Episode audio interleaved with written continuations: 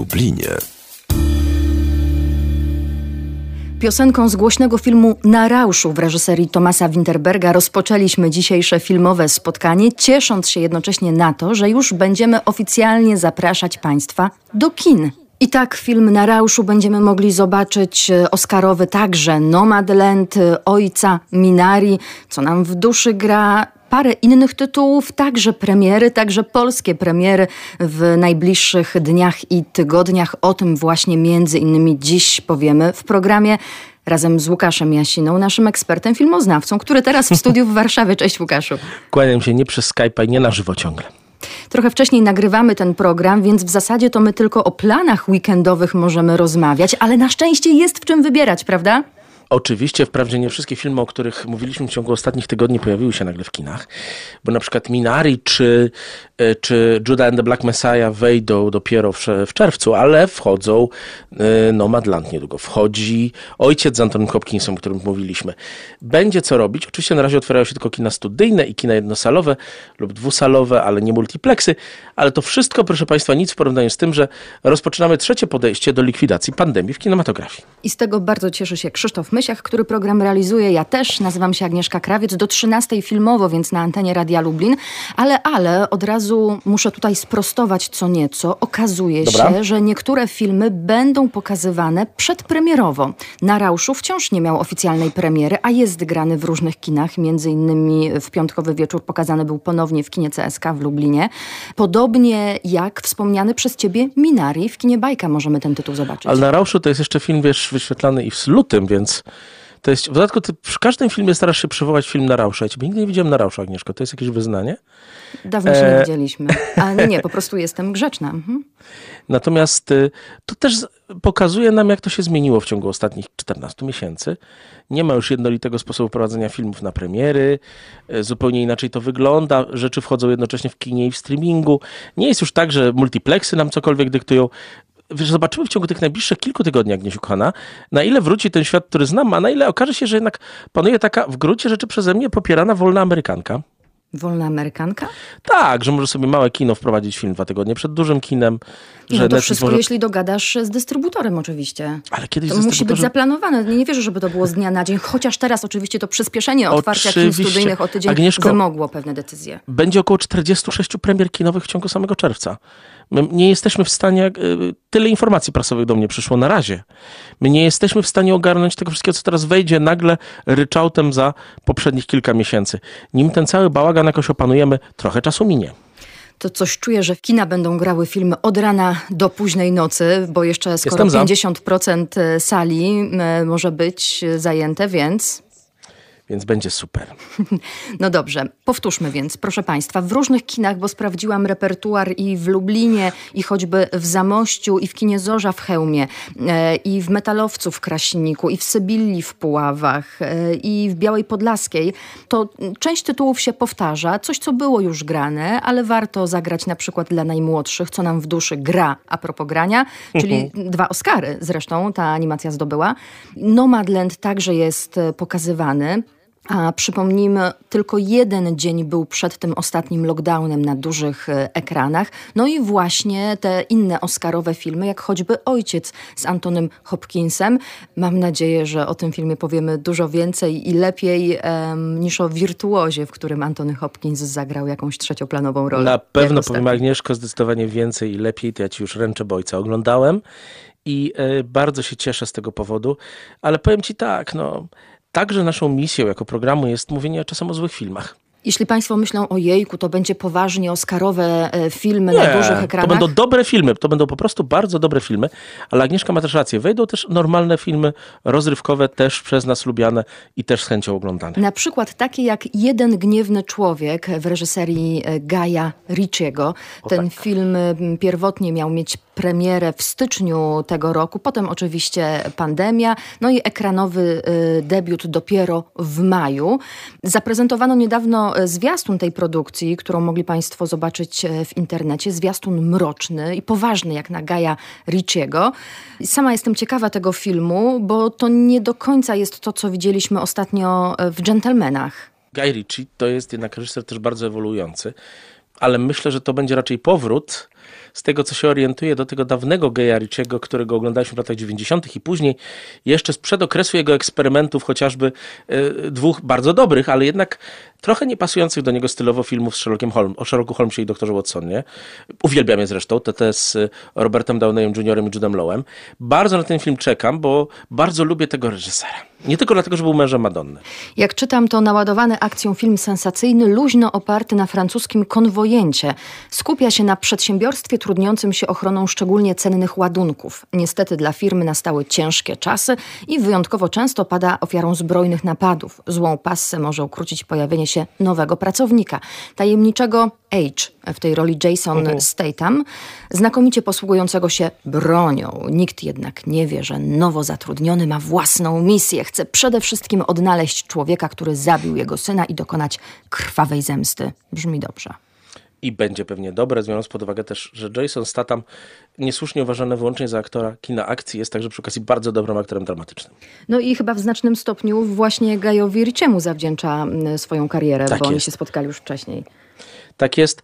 E, on go wylansował e, i Jason Statham pozostaje też takim najważniejszym aktorem e, właśnie przez Gaja Ritchiego wylansowanym, który pokazuje też esencję tego kina, bo to jest kino właśnie akcji, które jednak jest połączone z dobrym humorem i z ironią.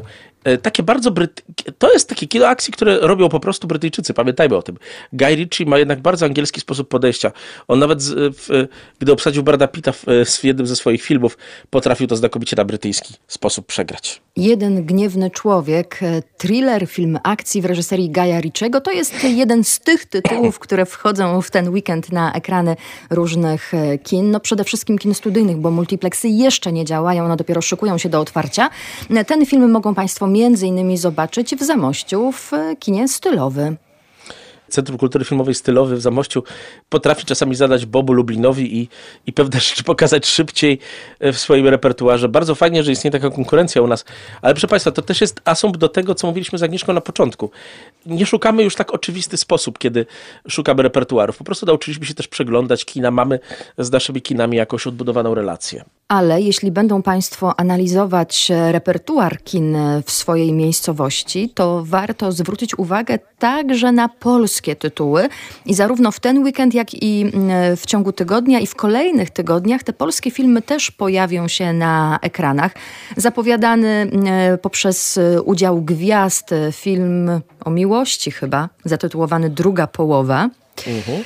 No, społeczeństwo takich filmów też potrzebuje. Może ja sama go nawet y, obejrzę niebawem, ale już teraz, przedpremierowo, mogą Państwo zobaczyć film Grzegorza Zaricznego zatytułowany Proste rzeczy.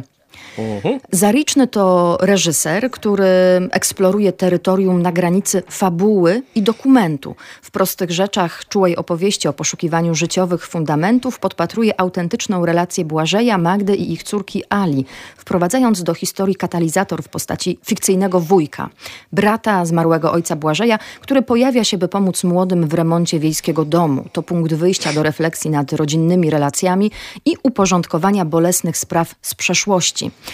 Zariczny zderza tu słodko-gorzką codzienność z bezmiarem uniwersalnych problemów, zapewnia dystrybutor filmu.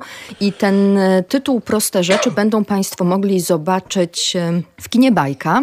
W kinie CSK, to może od razu powiem, że bilety na dzisiejszy seans do kina CSK na 17.15 właśnie na film Proste Rzeczy mamy do oddania. Jeżeli chcą Państwo wybrać się na ten tytuł, to proszę zamailować w kinie w Lublinie małparadio.lublin.pl Ale e, podkreślę także wtorkową projekcję w kinie Bajka w Lublinie, ponieważ po seansie sam scenarzysta i reżyser Grzegorz Zariczny spotka się z publicznością. Łukaszu, wracają też spotkania.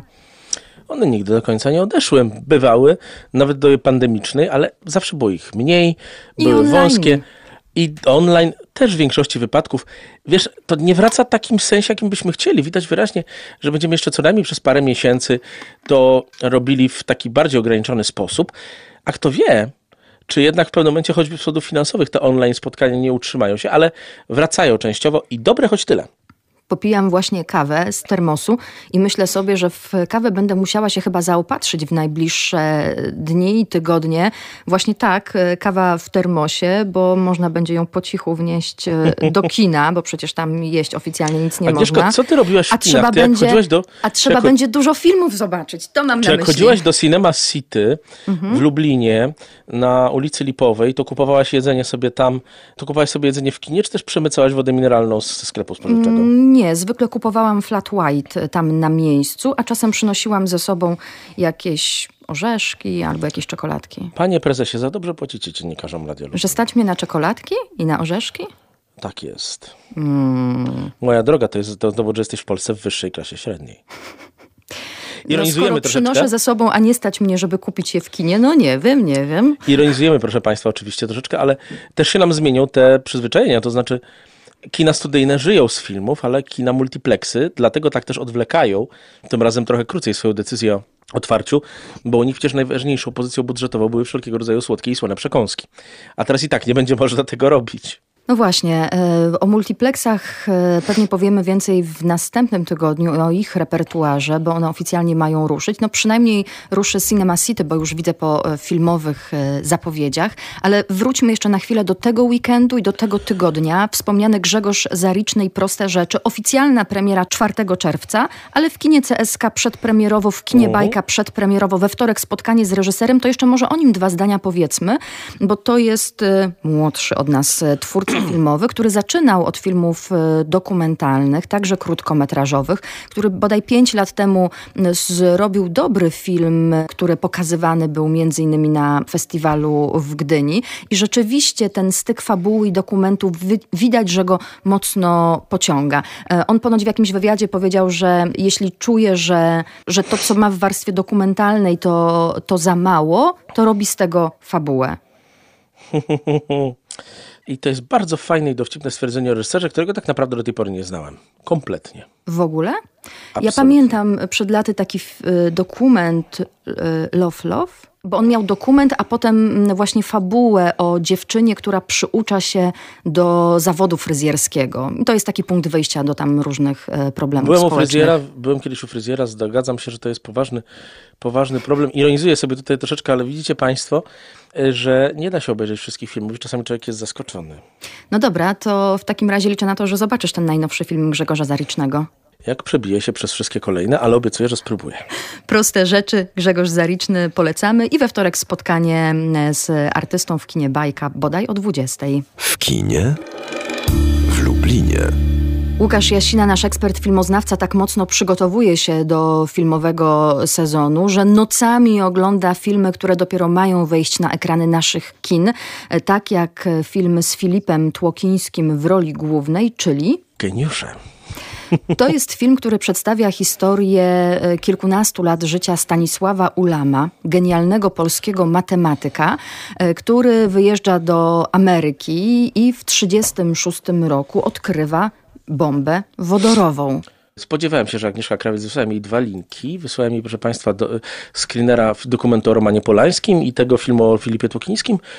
I, dlacz- I dziwię się, dlaczego Agnieszka wybrała akurat ten drugi. Obejrzałem go, proszę Państwa, bardzo porządny film historyczny o bardzo ciekawej postaci. Stanisławie Ulamie, bracie Adama Ulama, który był bardzo wybitnym historykiem e, Rosji.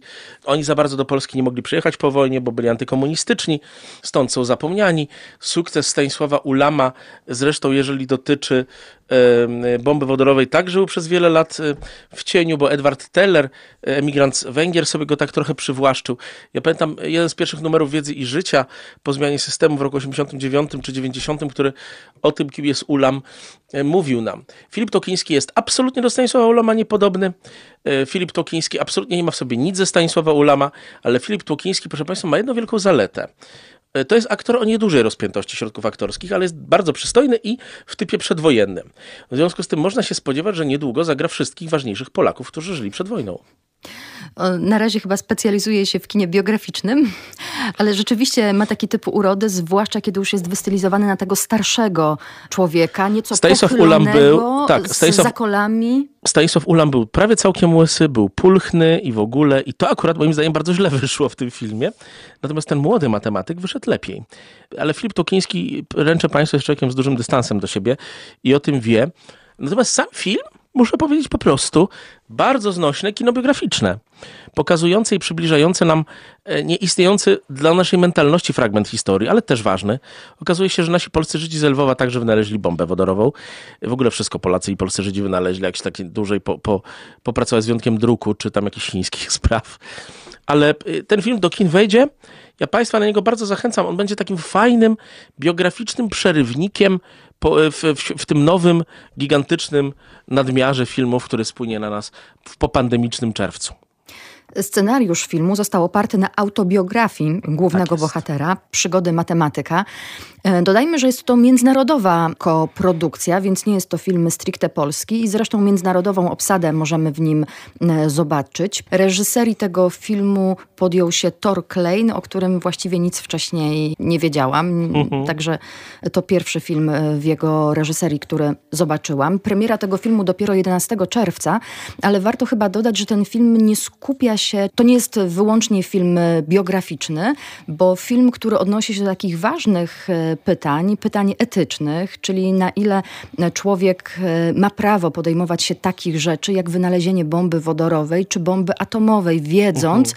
że jego wynalazek, a więc jego niezwykłe umiejętności i ciężka praca, no właściwie nie do końca służą ludzkości, tak? To, jest, e, to są pytania etyczne, które jawią się nam w trakcie oglądania tego filmu. Czy, czy mamy prawo wykorzystywać też e, swoje zdolności i umiejętności do takich rzeczy, które zabijają miliony istnień, bo w tle obliczeń dotyczących bomby wodorowej mamy bombę atomową i jej zrzucenie na Hiroshima i Nagasaki. To jest zresztą rzecz pojawiająca się w pismach bardzo wielu ludzi, którzy byli zaangażowani w ten projekt. Pierwszy był Robert Oppenheimer, twórca bomby atomowej, a z kolei twórca radzieckiej bomby wodorowej Andrzej Sacharow, o czym pamiętamy, został potem jednym z największych bojowników o prawa człowieka. Wiesz, oni podejmowali też te decyzje i to akurat Sacharow w warunkach stalinizmu, ale Ulam i inni w warunkach walki naprawdę o przetrwanie świata.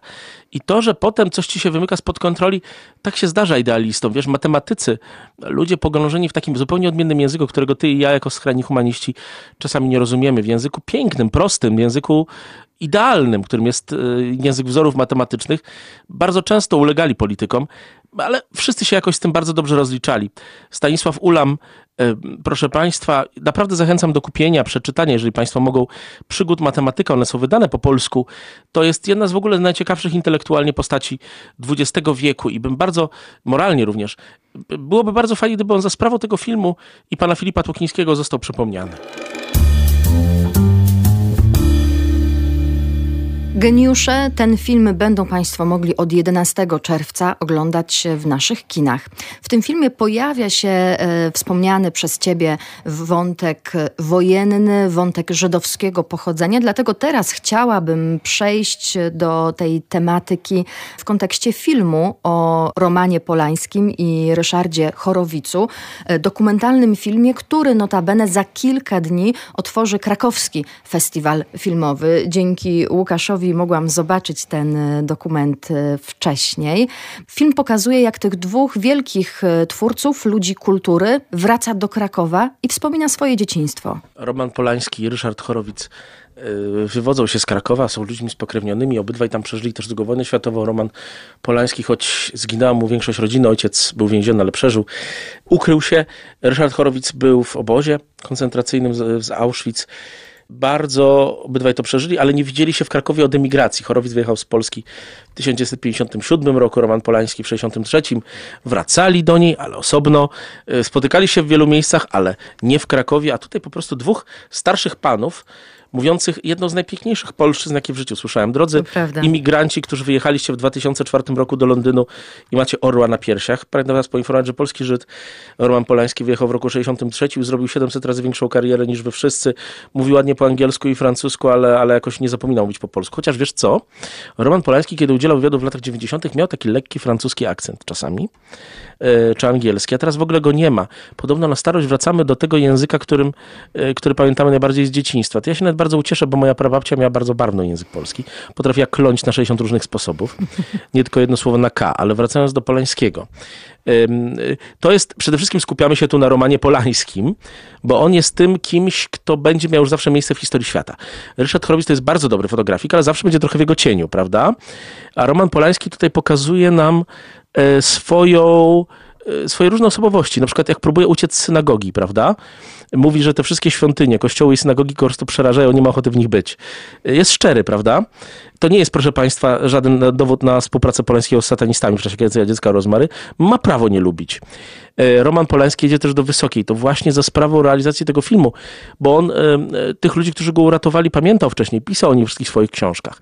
Ale oni, jak to wielu Polaków po wojnie, zaginęli, wyruszyli zupełnie gdzie indziej. Oni się oparli na Śląsku aż, położonym niedaleko od Krakowa Wielkim Zagłębiu Przemysłowym i to ich syn został odnaleziony za sprawą tego filmu. Mógł w końcu dostać nagrodę z Instytutu Yad Vashem. To jest, ja bym nazwał ten film Romana Polańskiego, tak jak on miał artystyczny powrót do domu w latach 2001, 2, 3 podczas realizacji pianisty, powrotem do domu numer dwa. A i przy okazji się wyjaśniło w końcu, dlaczego Roman Polański nie był w stanie zrobić filmu o krakowskim getcie, w którym był, odrzucił propozycję mm, e, Schindlera, e, realizacji listy Schindlera ze strony Romana Polańskiego. On nie chciał zacząć swoich wspomnień, które bardzo mocno miał utrwalone z okresu II wojny światowej. I ten Wiesz, wątek parokrotnie uh pojawia się w mhm. filmie, prawda? Zarówno w mhm. ustach Polańskiego, jak i Chorowica. To znaczy e, właśnie Roman Polański chyba jako pierwszy w tej produkcji mówi o tym, że pamięta dokładnie, to wyglądało tak, tak, tu było to, tamto, i on nie chciałby tutaj zrobić filmu, bo, bo on woli zachować w pamięci to, co tam rzeczywiście było. Nie wyobraża sobie, żeby teraz rozstawiać tutaj tę scenografię i tak dalej. Natomiast trochę później mm, pojawia się taka scena, w której obaj panowie wchodzą do dawnego mieszkania rodziny Chorowiców e, i wspominają, to było tu, tu, tu ojciec tam na drzemkę się udawał, mówił e, Ryszard Chorowic, e, a tutaj brakuje ściany i tak dalej. I chociaż widzimy no, wnętrze krakowskiej kamienicy, bardzo ładne zresztą, to po wyjściu z mieszkania Ryszard Chorowic mówi, że żałuje, iż weszli do tego mieszkania. Mówi, czasem lepiej zatrzymać wspomnienia niż konfrontować je. Słuchaj, ja mieszkania, w którym się wychowałem, nie, nie widziałem, odkąd moja mama się w niego wyprowadziła w roku 2006. Mam znacznie mniej wspomnień z powodu tego, że jestem połowę od nich młodszy. Od Romana Polańskiego i Ryszarda Chorowica, dlatego nie przeżyłem nigdzie wojny, a nie jestem w stanie podejść pod ten blok. W ogóle, psychicznie. To jest ludzkie. Czasem nie, bo nie powinniśmy zacierać naszych wspomnień. Wiesz, one są czasami lepsze niż rzeczywistość. Ja miałem jako dzieciak taki stół, pod którym się chowałem, wydawał mi się gigantyczny. On teraz jest u mojej mamy, jak zobaczyłem, że jest taki malutki, zdewastowany, nagle całe dzieciństwo moje się zawaliło. W filmie obaj twórcy spacerują po Krakowie, zaglądają do miejsc, z którymi kiedyś byli związani, do miejsc, którym, e, które pamiętają, które się bardziej lub mniej zmieniły. Natomiast poza tymi takimi e, opowieściami, wspomnieniami e, z dzieciństwa, pojawiają się także nawiązania właśnie do ich pracy twórczej. Pojawia się wywoływanie zdjęć przez Ryszarda Chorowica.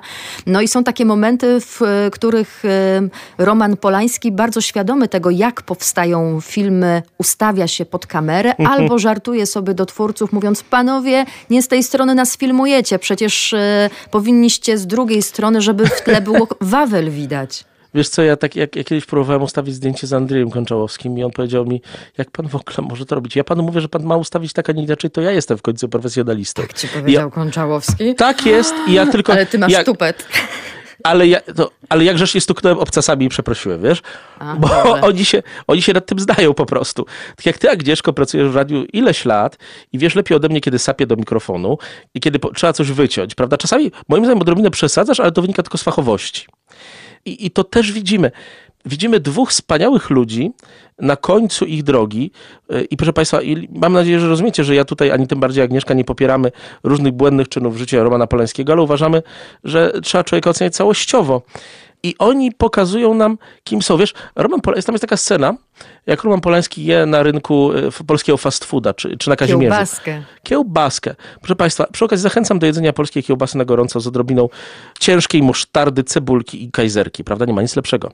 Moglibyśmy w końcu zacząć takie polskie fast foody w końcu robić. Dlaczego nie ma food trucków z y, kiełbasą na gorąco, prawda, kochana? Ale żarty, żarta. Weget, weget kiełbasę się też zrobi. Widzimy tu Polańskiego na różnych, na różnych aspektach. Wiesz, wiesz, że to jest tak naprawdę pierwszy polski dokument o nim. Było dużo dokumentów o Polańskim. Nawet takich bardzo znanych jak Polański, Mariny Zenowicz, ale pierwszy raz Polska to zrobiła. Więc to jest taki nasz, nasza polska odpowiedź na tego człowieka, który jest wielkim światowym reżyserem. Nie należy już do nas, bo jest też obywatelem Francji, robił ogromną część swoich filmów w Wielkiej Brytanii i w Stanach Zjednoczonych.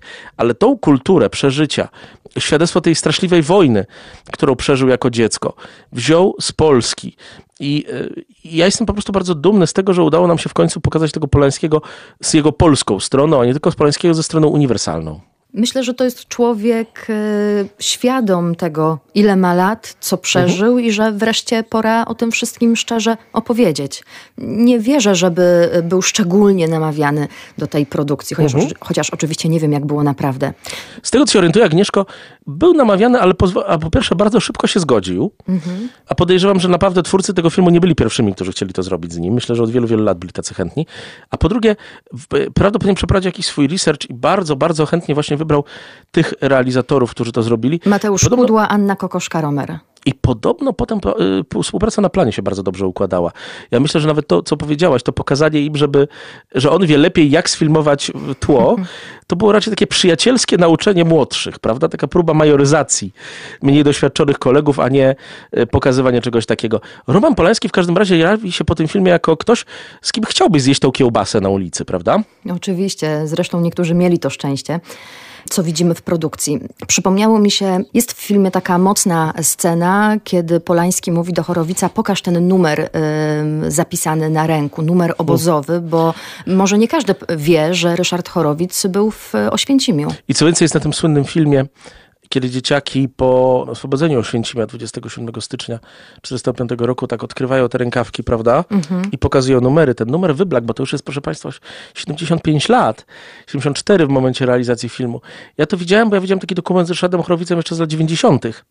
I to, I to z kolei Polański to zrobił to tak trochę bezszczelnie, jak to on. On doskonale wiedział, że Chorowic tego pokazywać nie lubi, prawda?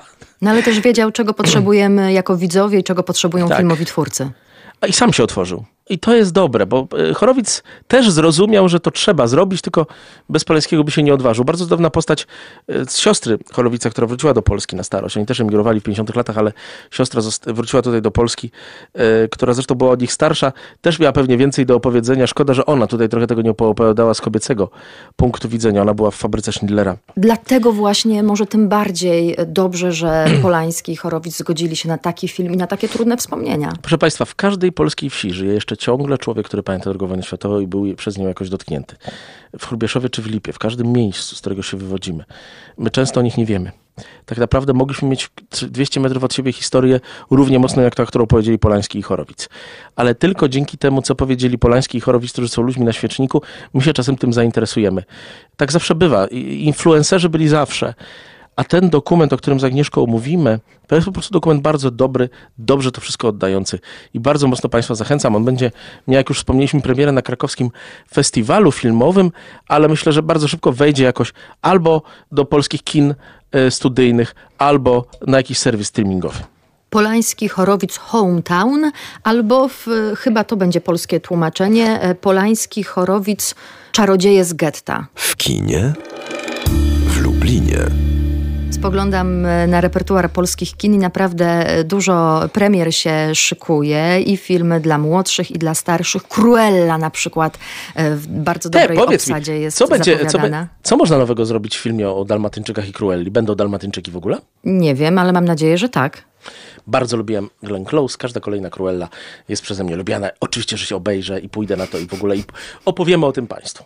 Komedia Ściema po polsku też się pojawi, a mm, do kina Zorza w hełmie to nawet Mariusz Pujszo miał zawitać, żeby zapowiedzieć ten film. Takiego dowcipu też potrzebujemy z Oczywiście. Grzegorzem Halamą. Ja się nad tym bardzo zastanawiam, wiesz, będzie bardzo wiele filmów, na przykład w jednym z nich, ja już naprawdę nie pamiętam wszystkich tytułów, proszę Państwa, jakie mamy do zaoferowania. Mają nasze kina w ciągu najbliższych kilku tygodni, ale trenera będzie grał Cezary Pazura, w ogóle wszystko będzie w kinach. Oczywiście, że potrzebujemy każdego rodzaju humoru, byleby on był tylko dobrze zrealizowany. Mariusz Pujszo to jest jednak bardzo specyficzny twórca i e, znalazł wszystko swoich widzów i swoje miejsce w polskim kinie. Czemu nie? Z polskich produkcji także Wolka z Olgą Bołądź ma wejść na ekrany i to za parę dni, więc no, kilka tych polskich produkcji będzie. Ale jeśli spojrzymy jeszcze na kolejne miesiące, to zapowiadamy, że będziemy mogli zobaczyć e, na przykład nowy film w reżyserii Stevena Soderberga, mhm. No Sudden Move, już w lipcu. Mhm. Zwiastun filmu jest dostępny w sieci. Możemy także zobaczyć zwiastun serialu This is y, Pop, czyli historia muzyki pop w pigułce, bo proszę Państwa, prawie cały program zleciał. My o premierach e, kinowych, a przecież o internecie też trzeba pamiętać. To prawda, proszę Państwa, tego jest bardzo, bardzo dużo. Ośmiodcinkowa produkcja ma zbadać połączenia pomiędzy Britpopem, hip-hopem, muzyką country i zespołem ABBA. Na This is Pop złożą się wywiady z pionierem efektu autotune, raperem i producentem T-Painem, wokalistką country Shania Twain, soulową grupą lat 90. Boys to Men, a w produkcji pojawiają się także inni znani e, twórcy muzyczni. Czy doczekamy się odpowiedzi na pytanie, czym jest pop, jak powstał? Mam nadzieję, ciekawa jestem tej muzyki, która zostanie zaprezentowana. Tak czy siak. Nawet jak nie doczekamy się tej odpowiedzi, to zobaczymy bardzo wielu fajnych ludzi i naprawdę fajną historię. A co ciekawego w sieci ostatnio widziałeś? Film czy serial? Wallstona z Iwana McGregorem nieoryginalny, ale bardzo fajnie zagrany serial o producencie, projektancie modzie, mody Ray Walstonie. Zachęcam cię, to jest na Netflixie. A ja zaczęłam e, ósmy sezon Homeland, no i muszę powiedzieć, że bardzo dobrze się rozkręca. Czuję, że to może być świetny finał serii. Ciekawa jestem. Myślę, Agnieszko, że jak zobaczę drugi sezon, dotrę też i do kolejnych. Kończymy nasze dzisiejsze filmowe spotkanie, dziękując Państwu mm, za uwagę. No i cóż, mam nadzieję, że nie tylko usłyszymy się za tydzień, ale może zobaczymy gdzieś w kinie. Proszę pamiętać o maseczkach. Życzę Państwu wspaniałego oglądania i żeby nam to potrwało tym razem trochę dłużej.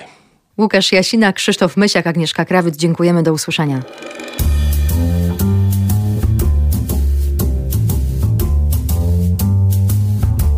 W kinie w Lublinie.